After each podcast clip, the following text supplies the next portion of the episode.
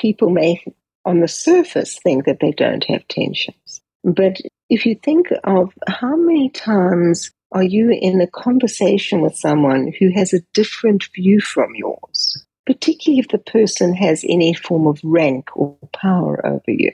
How free are you to say what you want to say? And this is part of what this method does. It enables you to feel safe enough to say the things that you don't normally say. Je luistert naar Verhalen in Veiligheid. Deze podcast brengt verhalen over veiligheid samen van de mensen die het doen. Met wisselende onderwerpen. Verhalen vanuit de wetenschap, verhalen vanuit de praktijk, maar vooral verhalen die raken uit ons mooie vak. Uw presentatrice Orlie Porlak.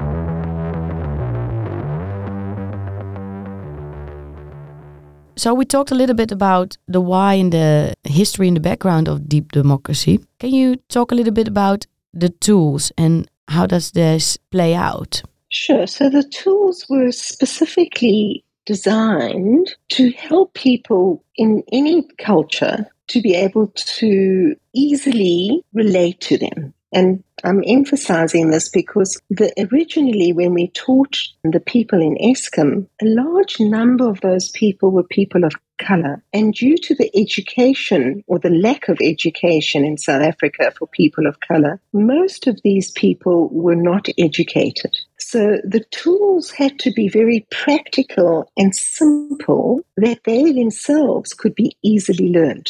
And so when we started working with this first group, we evolved the methodology through testing it with them. We were working with this group for three years. And during those three years, we trained over a thousand of these 5,000 people. And it sounds funny, but we cobbled the methodology and the tools together based on feedback that we got from them. So it's almost we would try something, we would get the feedback, we would make sure that they understood it, and their feedback helped us create the toolkit, which was really very useful. In fact, I still remember one of the participants, a very lovely old Zulu man, and I'll try and use his accent because it's very special. He said to me, How manner?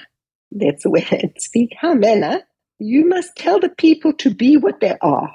And that's part of what he was saying was that in using this, these tools, it was encouraging people to be who they were. It's not something that you put on an act for. As you were learning the tools, you were resolving tensions that were very real in the situation, and people were being who they were. So a lot of the issues that we dealt with in Eskom were the racial tensions and the sense of strong, aging emotional issues of pain and suffering and guilt, shame, because remember, we had all the different groups. So the tools were designed in such a way that anybody could learn them, irrespective of culture. And obviously, it, culture has a part to play, and even though there's Lewis Deep Democracies now on every continent. Wil jij meer leren over Deep Democracy methode? Kom op 29 juni naar ons safety event. Een ticket boek je via onze website www.hubcreation.nl.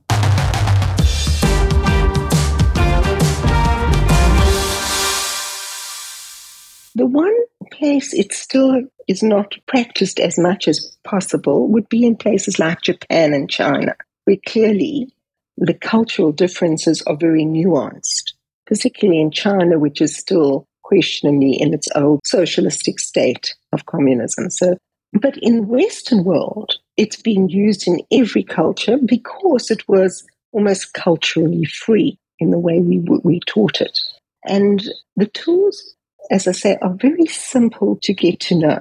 They're easy, they're easily taught and easily transferred very quickly people can learn these very basic tools. However, by doing and using the tools, incredible insights come into being, and people then begin to develop beyond the simplistic part of a toolkit. And so there's a depth within the tools.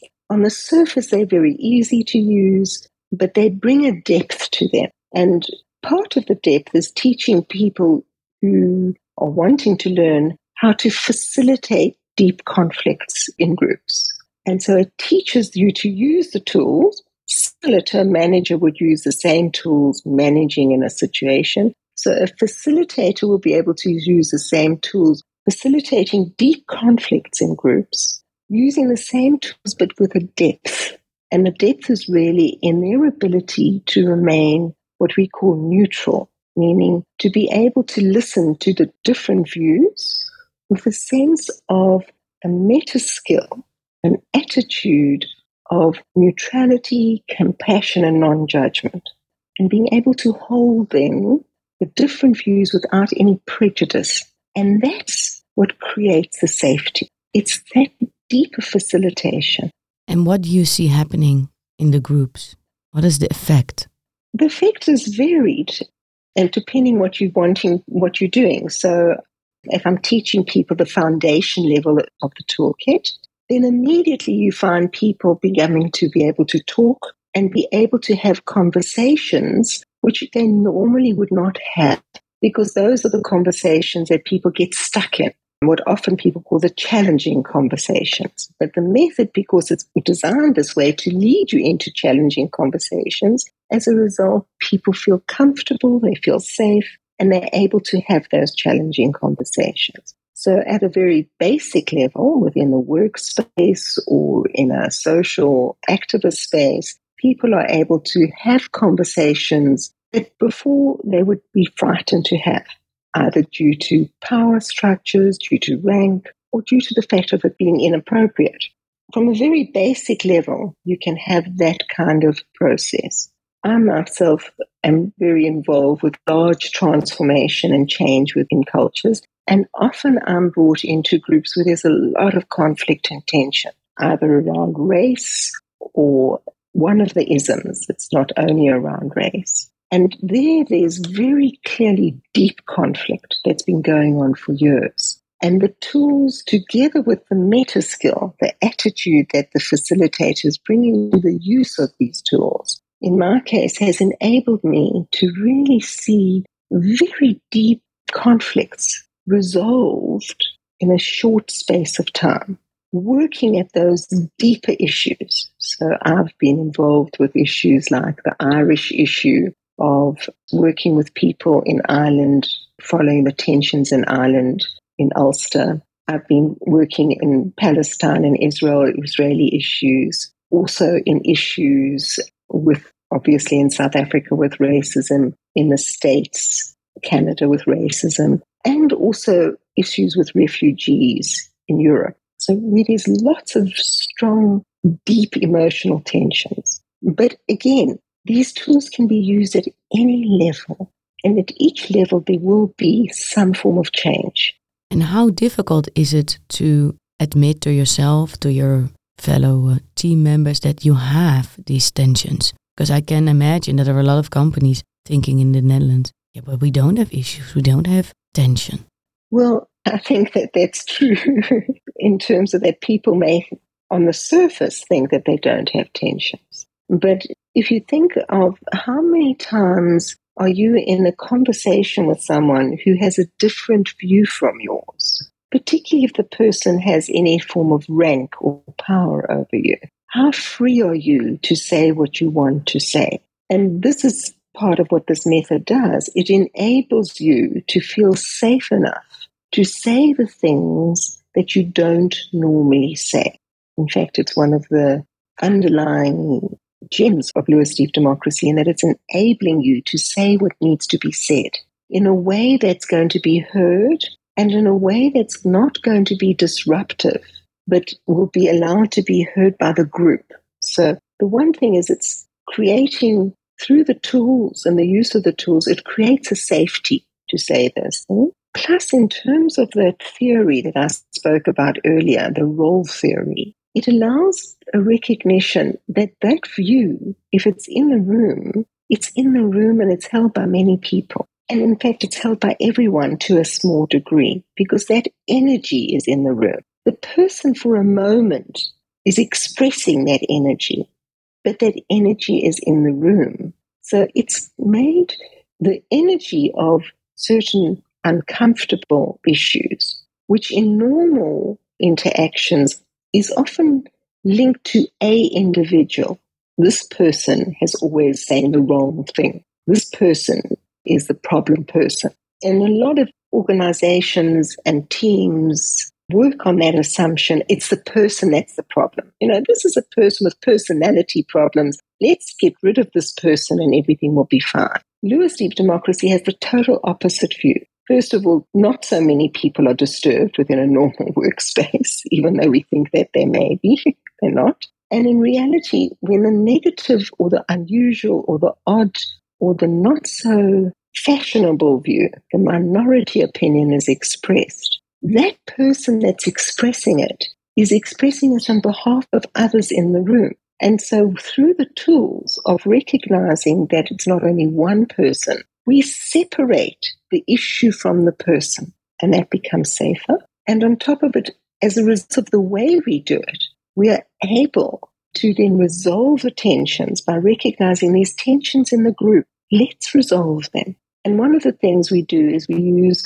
what we call the Lewis Deep Democracy debate, where we can say all the difficult things and all of us say them, not only one person. We all are able to say them in a safe and comfortable space. Ben jij benieuwd naar onze gaaf VR-game en spellen over veiligheid? Kom op 29 juni naar ons Safety Event. Een ticket boek je via onze website www.hubcreation.nl.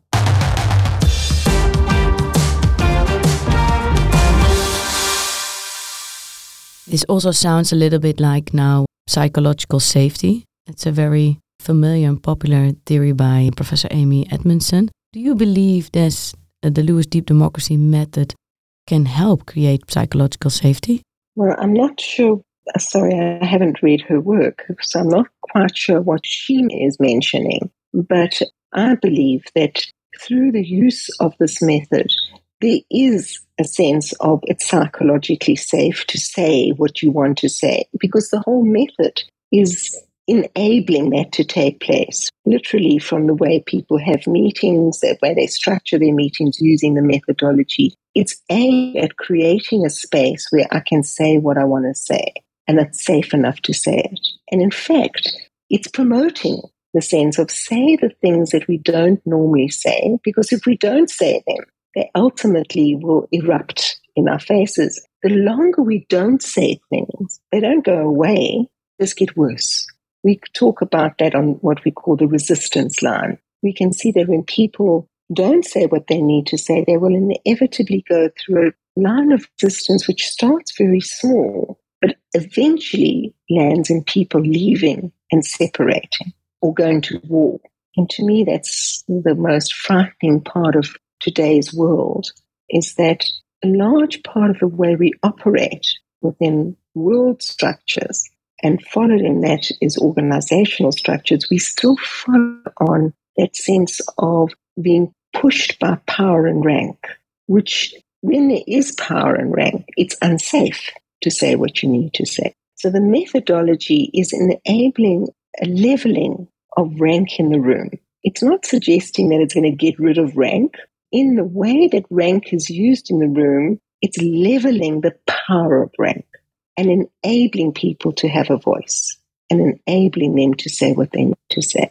I hope I'm not confusing you too much. No, you're not. And can you also talk a little bit more about the resistance line? What do you see happening in groups if their voice is not being heard? What do you see in organizations? There's a very clear resistance line. We talk about it in a very clear way as a way for people to recognize it. So it's really lovely to talk about it, isn't it? Resistance line will start initially with a joke. I'm not talking about that every joke is a resistance line. Please don't misunderstand me, but it's really that when there's sarcastic joke, when people are trying to make a statement that they're going against the mainstream thinking or the authority view's voice or the dominant person's voice, the autocratic voice, the first point is trying to make a joke of it. In a way, it's a subtle, sarcastic joke as a way, please recognize that I'm saying something that I don't agree with you. But often the joke not heard. The next thing on the resistance line is when people start creating excuses. So they say we're going to do something and they nod their heads. But when you try to get them to do it, there will be different excuses. And if you watch normal behavior, each time that a person is making an excuse and you count the number of excuses, and if a person is making more than three times an excuse for doing something, you need to know that there's a resistance line operating. So it's a really useful dynamic to start listening to how many times are people making excuses or there's a person making an excuse for not having done something. And the problem with excuses is that each time there's a level of truth in the excuse. But the fact that there's three or four excuses coming suggests that there's something deeper. And this can be used diagnostically in any situation. When a situation continues to continue beyond the level of logic, meaning beyond three or four times, know that it's part of the resistance line. And then the next phase is when people start gossiping and lobbying, particularly gossip in an organization. If the level of gossip is high, you need to know that that resistance line is very well in place. It's almost like the unofficial form of talking has become the official form. It's almost like the grapevine, as we talk about it in English, has become the way of learning about something. And then the next phase on the resistance line is very clear. This is when communication breaks down. It's when people stop talking to one another. And there's a lot of problems in this issue. In there's this area. So you'll often find, say, the head of marketing won't speak to the head of technical services because they're having a conflict. And as a result, their departments don't connect with one another. When people stop talking, it becomes very clear that their people are on the resistance line. And the resistance line in this situation, you can see how ineffective and inefficient it's becoming. And then the next level of the resistance line is when people start now going into disruptive behavior. They really are sabotaging the situation. They go slow. You can see that in a teenager. You know, when a teenager doesn't pick up their clothes, and they say, I'm going to pick up my clothes slowly, they do it. Or a person's on the go slow.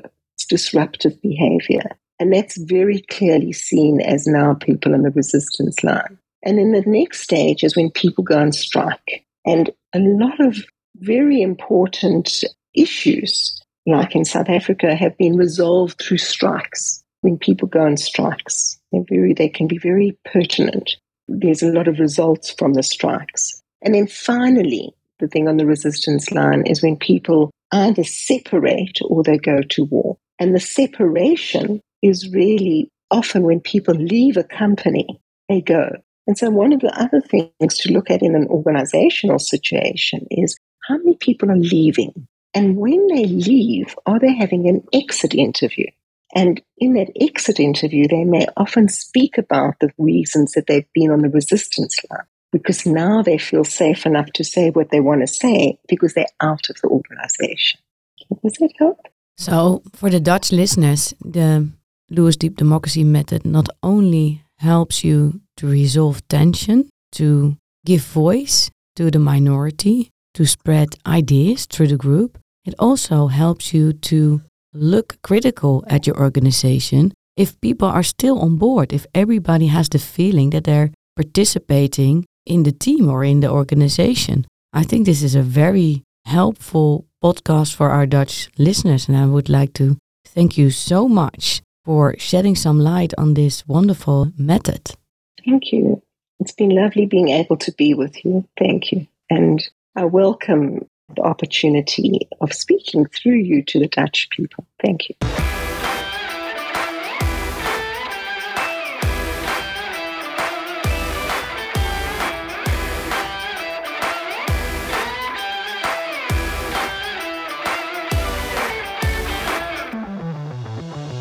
Je luisterde naar Verhalen in Veiligheid. Wil je niks missen van deze podcast? Abonneer je dan op deze podcast in je favoriete podcastplatform. Of laat een recensie achter via Apple Podcast. Dank voor het luisteren. Graag tot de volgende.